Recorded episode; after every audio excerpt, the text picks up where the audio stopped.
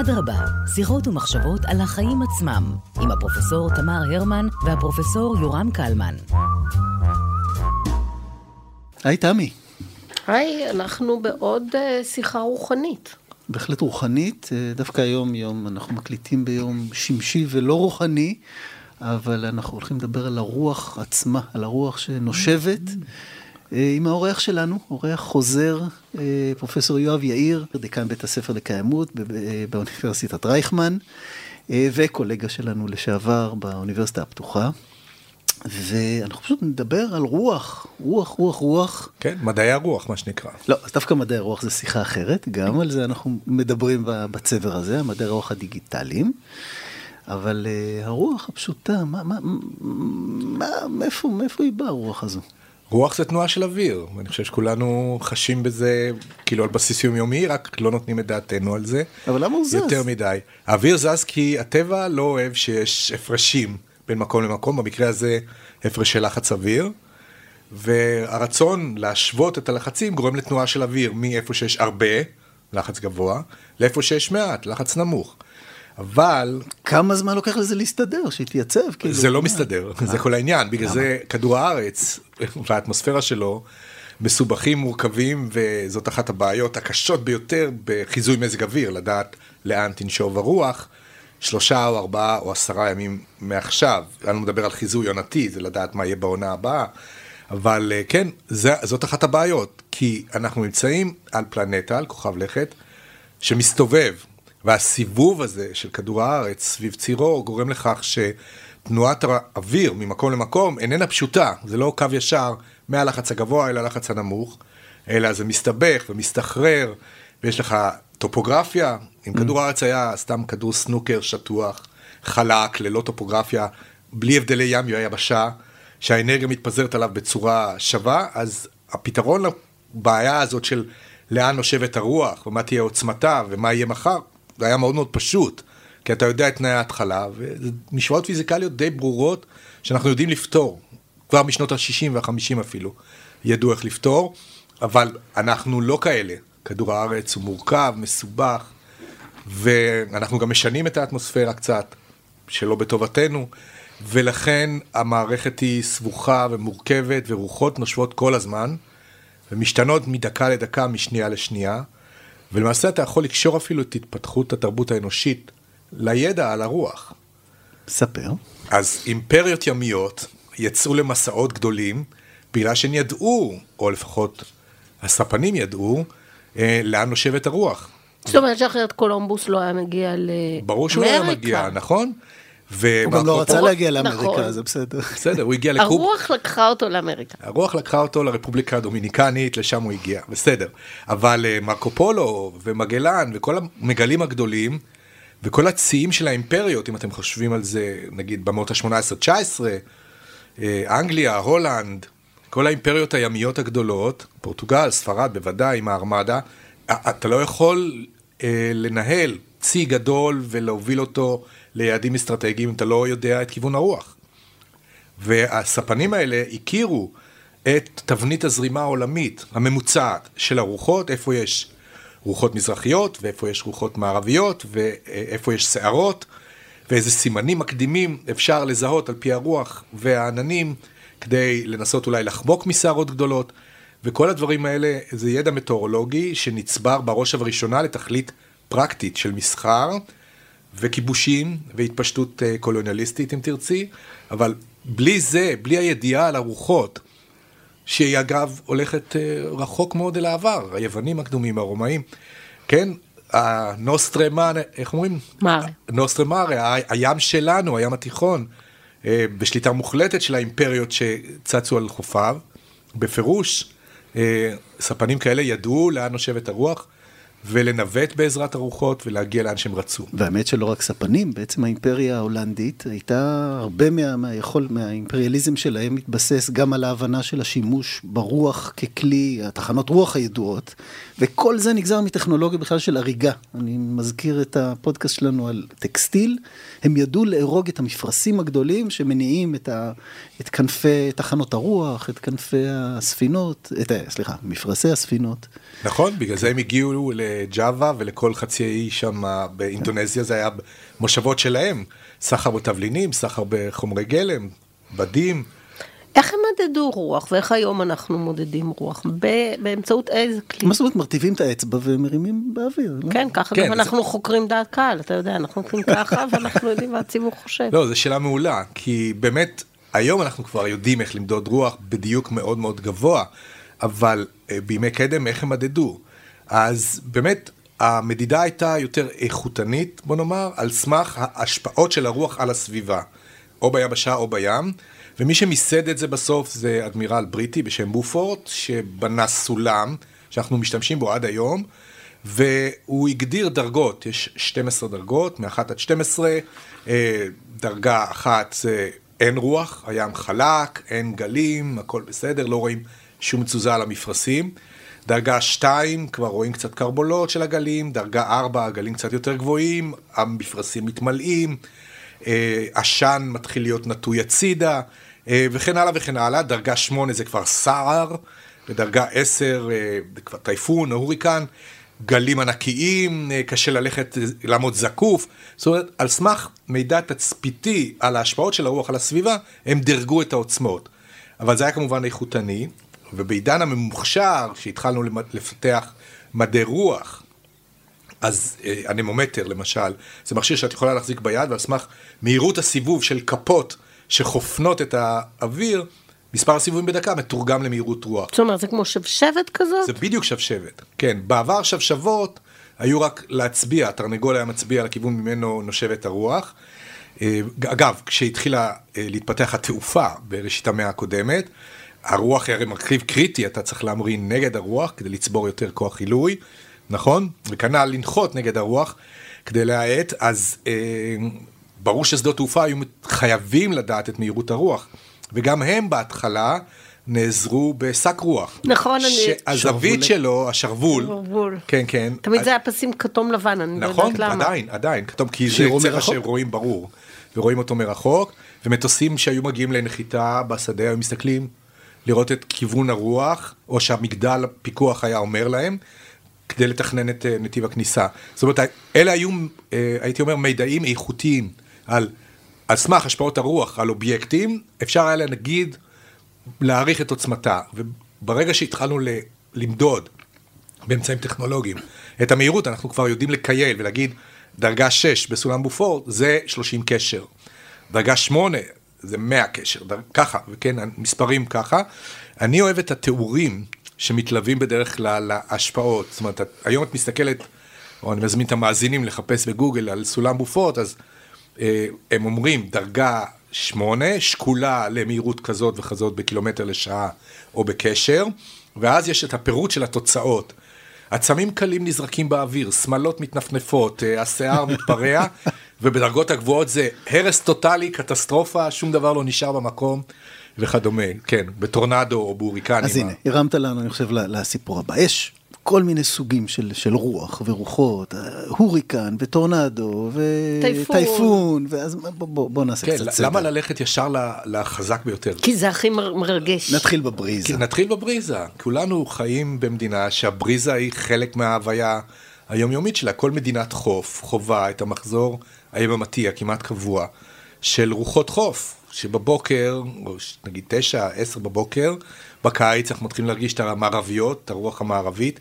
אגב, אני רוצה להגיד משהו, ההגדרה של רוח היא הכיוון ממנו היא באה, לא הכיוון אליו היא נושבת, כי זה מסביר את תכונותיו של המדיום הפיזיקלי ממנו האוויר מגיע.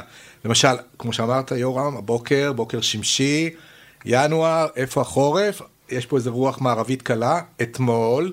היא הייתה בכלל ביוון. זאת אומרת, האוויר הזה הגיע מיוון, בולגריה, ועכשיו נושב אלינו מעדנות, ומחר תהיינה לנו רוח מזרחית, היא תגיע מן הסתם מירדן. זאת אומרת, האוויר לא נשאר במקום, וזז אה, ממקום למקום, אז הבריזה שלנו היא בריזה מערבית, רוח לחה וקרירה שמכניסה אוויר מהים פנימה אל תוך היבשה, ומתקדמת במעין חזית בריזה כזאת, פנימה, מזרחה אל תוך היבשה ודרומה.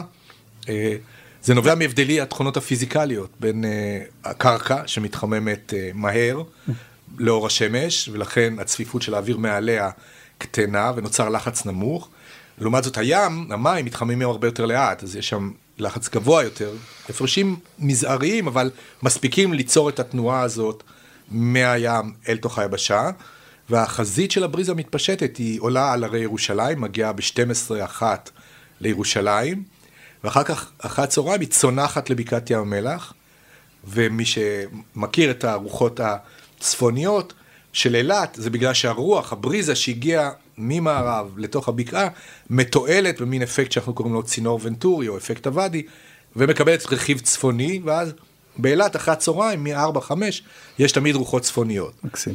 כן, אז האוויר לא נשאר במקום, הוא זז ממקום למקום, ומתועל על ידי הטופוגרפיה, ואנחנו רואים את זה. כמובן, הכל שקוף, אנחנו לא רואים באמת את התנועה, אלא את ההשפעות של התנועה, אבל אם חלילה יש איזשהו מרקר כמו שרפה, עשן, או חומר שנישא באוויר, אז אנחנו נראה בדיוק את, ה, את האוויר מסתחרר ונע ממקום למקום. אגב, אחרי השקיעה, הכל מתהפך, כי הים שלקח לו זמן... שומר את החום. נכון, שומר את החום, לכן חמים בלילה, בים. לעומת זאת, היבשה מתקררת מאוד מאוד מהר, אז אה, גרדיאנט הלחצים, הפרש לחצים מתהפך, והרוח מתחילה לנשוב מהיבשה מערבה. זאת אומרת, זה רוחות מזרחיות שנושאות עימן, אגב, את כל זיהום האוויר שהצטבר בשפלה, אה, בשפלת החוף הישראלית, בגוש דן, בצפון עד חיפה, ומה שרואים בבוקר שאחרי, אם אתם משכימי קום, עושים את ריצת הבוקר הנמרצת על החוף, אתם תראו כמה קילומטרים או כמה עשרות קילומטרים ממערב לקו החוף, את כל הזיהום של גוש דן שהרוח הלילית דחפה מערבה. יפה מצידה. כן, יפה מצידה שהיא מנקה, אבל היא אחר כך מחזירה את זה אלינו, והכל חוזר אלינו. אז אה, כן, אז זה הבריזות. והמהירות היא עשרה קשר, 12 קשר, בוא, בוא, בוא, כמה... 20 משהו. קילומטר לשעה. כן. תודה. תראה, ימאים ואנשי אוויר הם אלה שקבעו את הנומנקלטורה שבה משתמשים עד היום במטאורולוגיה. מדברים בקשר, שזה מייל ימי לשעה.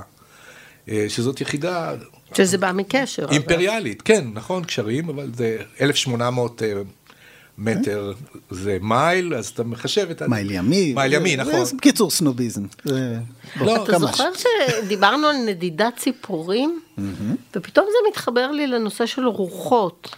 האם ציפורים מביאות בחשבון את משטר הרוחות כשהן... בוודאי, הציפורים יודעות את משטר הרוחות, והן תלויות גם ברוחות מקומיות, למשל הטרמיקות שנוצרות כתוצאה מחימום פני השטח, עליהן הן דוהות במעגלים האלה ומסתחררות עד לגובה שיוט, שאיתו הן מצליחות אה, לתפוס את הרוח השלטת, את הרוח הסינופטית, שנובעת מההפרשים בין מערכות הלחץ הגדולות, ו- ולרכב על הרוחות הללו, הן יודעות את רוחות השמיים. אלה הציפורים, הפרפרים בכלל, אה, נשענים בעיקר על זה, הנדידות פרפרים הענקיות האלה נכון, ביבשת כן. אמריקה, מדרום אמריקה. לציפור. הייתה גם אצלנו נדידת. פרפרים לפני שנתיים, אני לא יודע אם ראיתם כן, או חוויתם.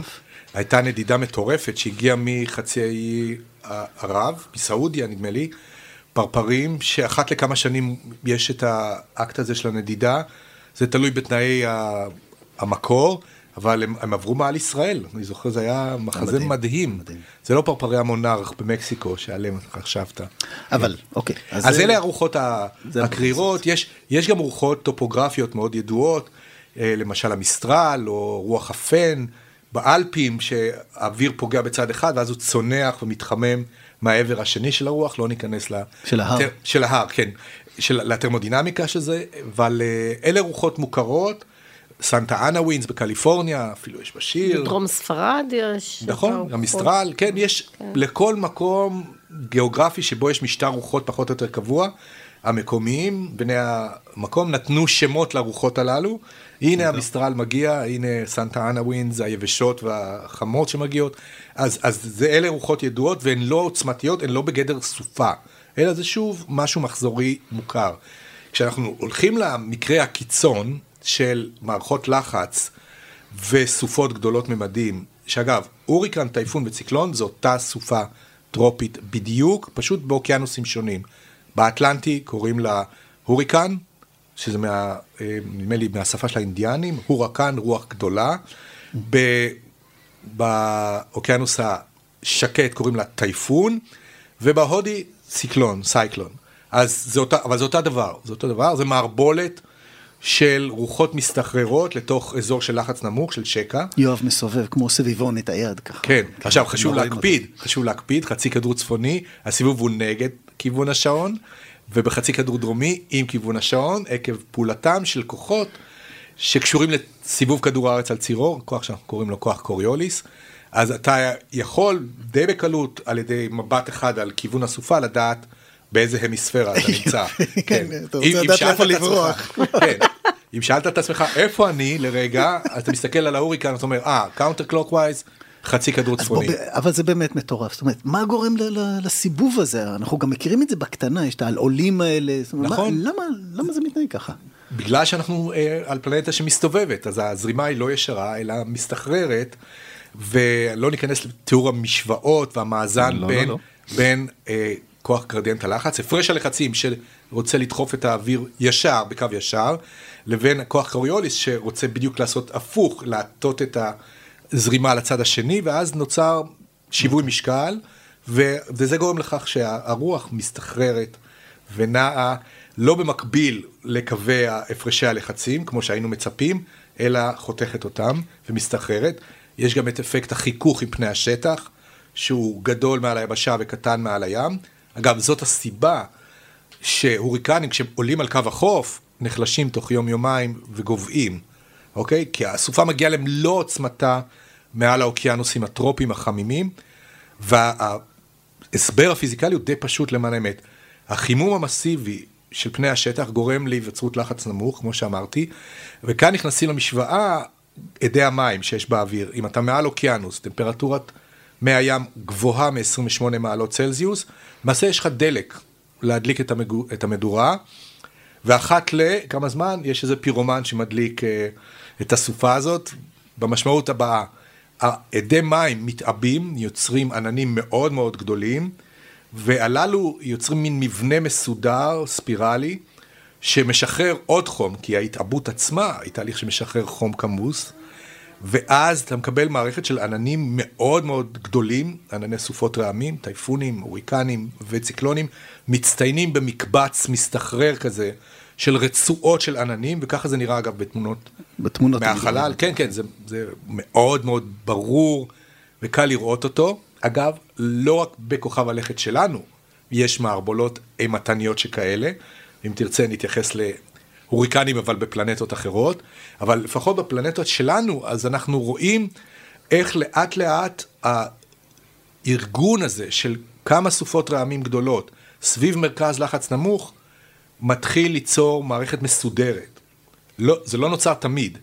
יש פה אה, עוד כמה וכמה תנאים שקשורים למבנה, אה, הטמפרטורה, פרופיל הטמפרטורה עם הגובה, ליציבות של האטמוספירה וכדומה, ולפילוג הטמפרטורה על פני הים, אבל בסופו של דבר, אחת לכמה זמן, בייחוד בקיץ, עונת ההוריקנים מתחילה ביוני ונגמרת בנובמבר. בחצי, בחצי הצפוני, כן. וכל שנה, אגב, מרכז החיזוי האמריקאי נותן על סמך סטטיסטיקה ועל סמך ניתוח נתוני לוויין ונתונים של מדידות באוקיינוסים, הערכה על איזה עונת הוריקנים אנחנו הולכים לקבל בכל אחד מהאגנים. למה הם נותנים את ההערכה הזאת? משום שצריך לדעת מה ההסתברות שבסוף נקבל איזושהי סופה עוצמתית שתגיע לחוף המזרחי של ארה"ב. הם מעניקים שמות לכל הסופות. עכשיו גם לשמות של גברים, בעבר זה היה רק שמות של נשים. נכון, את צודקת לגמרי. עכשיו נתנו את זה לצ'אט GPT להחליט, לא, אני אומר, לתוכנת מחשב, דיברתם על כן, כן. מדעי הרוח הדיגיטליים, זה בדיוק מטאורולוגיה דיגיטלית, נותנים למחשב לבחור רנדומלית שמות, לא, את צודקת, כמו תם- הסיסמאות של צה"ל. תמי, פעם זה באמת היה נכון, רק. איז- איזבל וג'יין ומרי וכל אלה, ואמרו, אוקיי, אבל דווקא, כן. סטטיסטית זה מתפלג שווה, את יודעת, לפעמים זה סופה עם שם של אה, אישה שהיא קטלנית, ריטה, קטרינה, ולפעמים זה בחור, דניס או אנדרו, מי שבא, אה, צדק לא ברוך הבא. היסטורי. כן, צדק היסטורי, אבל מה שמאפיין את הסופות הללו זה שלושה דברים. כמות משקעים אדירה, פשוט כמות גשם ענקית שיורדת בזמן מאוד מאוד קצר. ב', אה, לחץ נמוך במרכז, מה שנקרא עין הסערה, שסביבה מסתחררים מסתחררות הרוחות במהירויות שיכולות להגיע ל-200 עד 300 קילומטר לשעה, והעובדה שמרכז הלחץ הנמוך, כאשר הסופה עוד רחוקה מקו החוף, נמצאת מעל האוקיינוס, אז הים או האוקיינוס מרגיש משקל נמוך יותר, שעומד ולוחץ על פני השטח, ולכן מה שקורה, נוצרת גאות הסופה, בלג', storm, כן, tide, ו, וכל הגוש הזה שמעלה את מפלס המים, לפעמים בשני מטר או שלושה מטר, נוסע עם הסופה ואז הוא מתנפץ על החוף בבת אחת, ולכן הדבר השלישי שמסתיינות בו הסופות האלה, זה אה, שיטפונות אדירים על קו החוף. יש מקרים היסטוריים שערים... זה מה שקרה בקטרינה, נכון? נכון, בקטרינה קרו שני דברים, זה היה אסון משולב.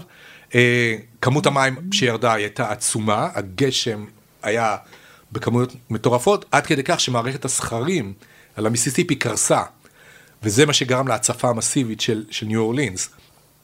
אנחנו רואים את זה אבל בהרבה מאוד מדינות, בהרבה מאוד אזורים, יש אזורים מוכים, mm-hmm. דרום מזרח אסיה, טיוואן, סין, יפן, וגם אה, החוף המזרחי של ארה"ב כן. ומרכז אמריקה. אז זה טייפונים, הוריקנים, ציקלונים. מהמשפחה הזאת של הסופות העוצמתיות, יש לנו את הטורנדו. אבל הוא, בוא נאמר, קטלני, אבל מצומצם ב, בשטח המגע שלו עם פני השטח. בעוד שהוריקן זו סופה שיכולה להגיע לאלף קילומטר, קוטר, מקצה לקצה.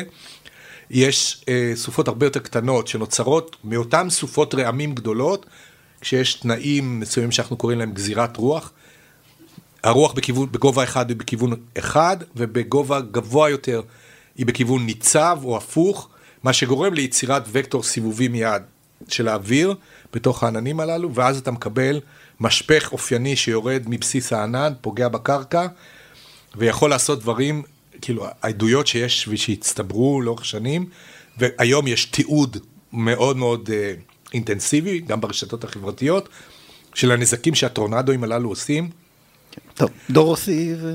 כן. יואב ואני בשיחה קודמת החלטנו שאנחנו רוצים לראות כזה טורנדו, נכון? נכון, יש כאלה... יש כאלה טורנדו רודפי הטורנדו. רודפי הסופות, כן, זה חבר'ה שכאילו הם על אדרנלין כל הזמן, ויש היום סדרות בנטפליקס על, על החבר'ה האלה. נפלאות, כן. יש לנו טכנולוגיה שיכולה לפתור את העניין הזה? אנחנו חושבים על פתרון טכנולוגי כדי לנסות ל... לצמצם את הנזקים. אז אני אתערב. קודם כל, בינתיים הטכנולוגיה מחמירה, כי התחממות ה... התופעה מחמירה. נכון. התחממות כן. האקלים מגבירה את הטמפרטורה של המים, כמו שיואב הסביר, זה גורם לעוצמה גדולה יותר של הסופות, אז בינתיים הטכנולוגיה...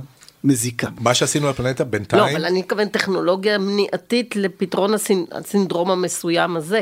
אז ניסו, הייתה בשנות ה-60, כשהתחילו לזרוע עננים להגברת הגשם, היה איזה הובריס כזה שאומר, היבריס, אנחנו בעצם יכולים לשחק עם הטבע, אז בואו נראה אם אנחנו יכולים להחליש הוריקנים. כי הבנו את הפיזיקה של מה קורה בתוך סופת ברקים, אמרנו, אם נצליח איכשהו למנוע את האקט הזה, או את השלב הזה של שחרור החום הכמוס המסיבי, ושגורם להתפתחות הענקית של הסופה הזאת, אולי we'll nip it in the bud, כמו שאומרים. ואיך, ומה הרעיון היה? ניסה עם מטוסים לתוך הסערה, עוד כשהיא עוד רחוקה מהחוף, ונפציץ אותה ביודיד הכסף, או בשבבי מתכת, לא משנה, היה להם כל מיני רעיונות שהם בדקו, וממשלת ארה"ב מימנה את המחקר הזה בשנות ה-60, ניסו להחליש את עוצמתם של כמה הוריקנים, והגיעו למסקנה שסדר הגודל של ההשפעה הנדרשת הוא כל כך גדול, שכל חיל האוויר האמריקאי היה צריך להתגייס למשימה כדי להחליש את עוצמת הרוח בהוריקן מסוים, אז, אז פשוט זה ננטש, אי אפשר לעשות את זה. זה גדול עלינו. מה שכן אפשר לעשות זה לחזות את זה מגיע ולהתגונן ולתת התראה, והיום אה, באמצעות מכ"מים, מכ"ם דופלר שרואה את מהירות הרוח ויכול לזהות את הסחרור שמתחיל להיווצר מתחת לענני סערה, הוא יכול לתת התראה של דקות. שימו לב, הולך להיות בקאונטי זה כזה, באורגון, ב... בטקסס, בקנזס, כן, דורותי, we're not in Kansas anymore, uh, כן, זה התחילה בטורנדו, נשרפה לטורנדו. אז, אז כן, דרך האבנים הצהובות. אם אתה יודע לזהות נכון, אתה יכול לתת התראה, ולפעמים חמש דקות זה כל מה שצריך להציל חיים. בחלק ממדינות הקורנבלט, או מה שנקרא טורנדו אלי, שדרת הטורנדו במרכז ארה"ב, קנזס, אוקלהומה, צפון קרוליינה. אה, במדינות האלה יש מערכת צופרים, כן? צבע אדום, סירנה, אנשים רצים למקלטים, סוגרים את הדלת, אה, תלמידים מתאמנים, כן? לדעת להתפנות לאולם שבו הם יכולים, את יודעת, להיות מוגנים זמנית לפחות עד שהסופה תחלוף. לא תמיד זה עוזר אגב. כל שנה יש עשרות הרוגים ונזקים כבירים מהטורנדואים הללו. וכמו שאמרת, יורם, אתה צודק, העוצמה הולכת וגדלה, ו-records are meant to be broken and they will be broken. אז בוא עוד, עוד דבר אחד, אני חושב, אנחנו ממש לקראת סיום. יש את הזרמים הגדולים, זרם הסילון, אני יודע שגם שם קורים דברים לא טובים. נכון. ש... למרות שנדמה לי זה מקצר את הטיסות חזרה לישראל מן המערב. מדויק, אבל יפה אמרת, זרם הסילון זה רצועה של רוחות גבוהות באטמוספירה העליונה, אה, בין הגבהים 10 ל-15 קילומטר, והם למעשה רצועה של רוחות שמנהגת את מערכות הלחץ שמביאות את מזג האוויר אלינו. בוא נתאר רק לאיפה, לאיפה, כאילו, איפה זה... יש כמה זרמי סילון, יש זרם הסילון הפולארי שמקיף את הקוטב הצפוני בערך בקו רוחב 60-70, ויש את זרם הסילון הסובטרופי בקו רוחב 30 שעובר מעלינו.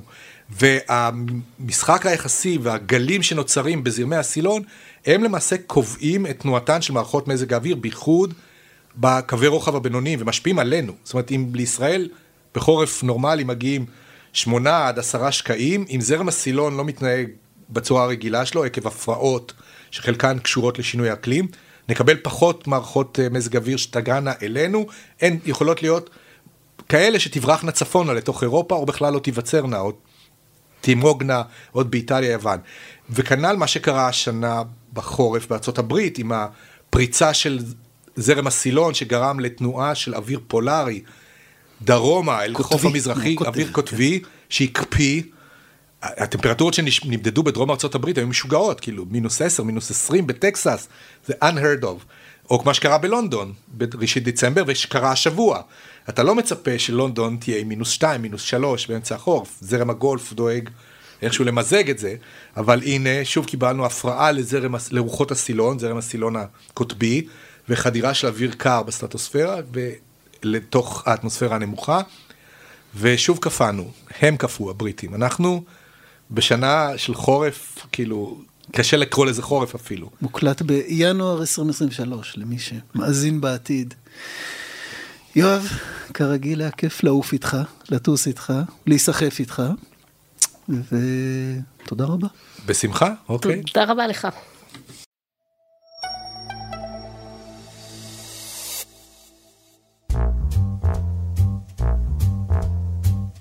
אדרבה, שיחות ומחשבות על החיים עצמם, עם הפרופסור תמר הרמן והפרופסור יורם קלמן.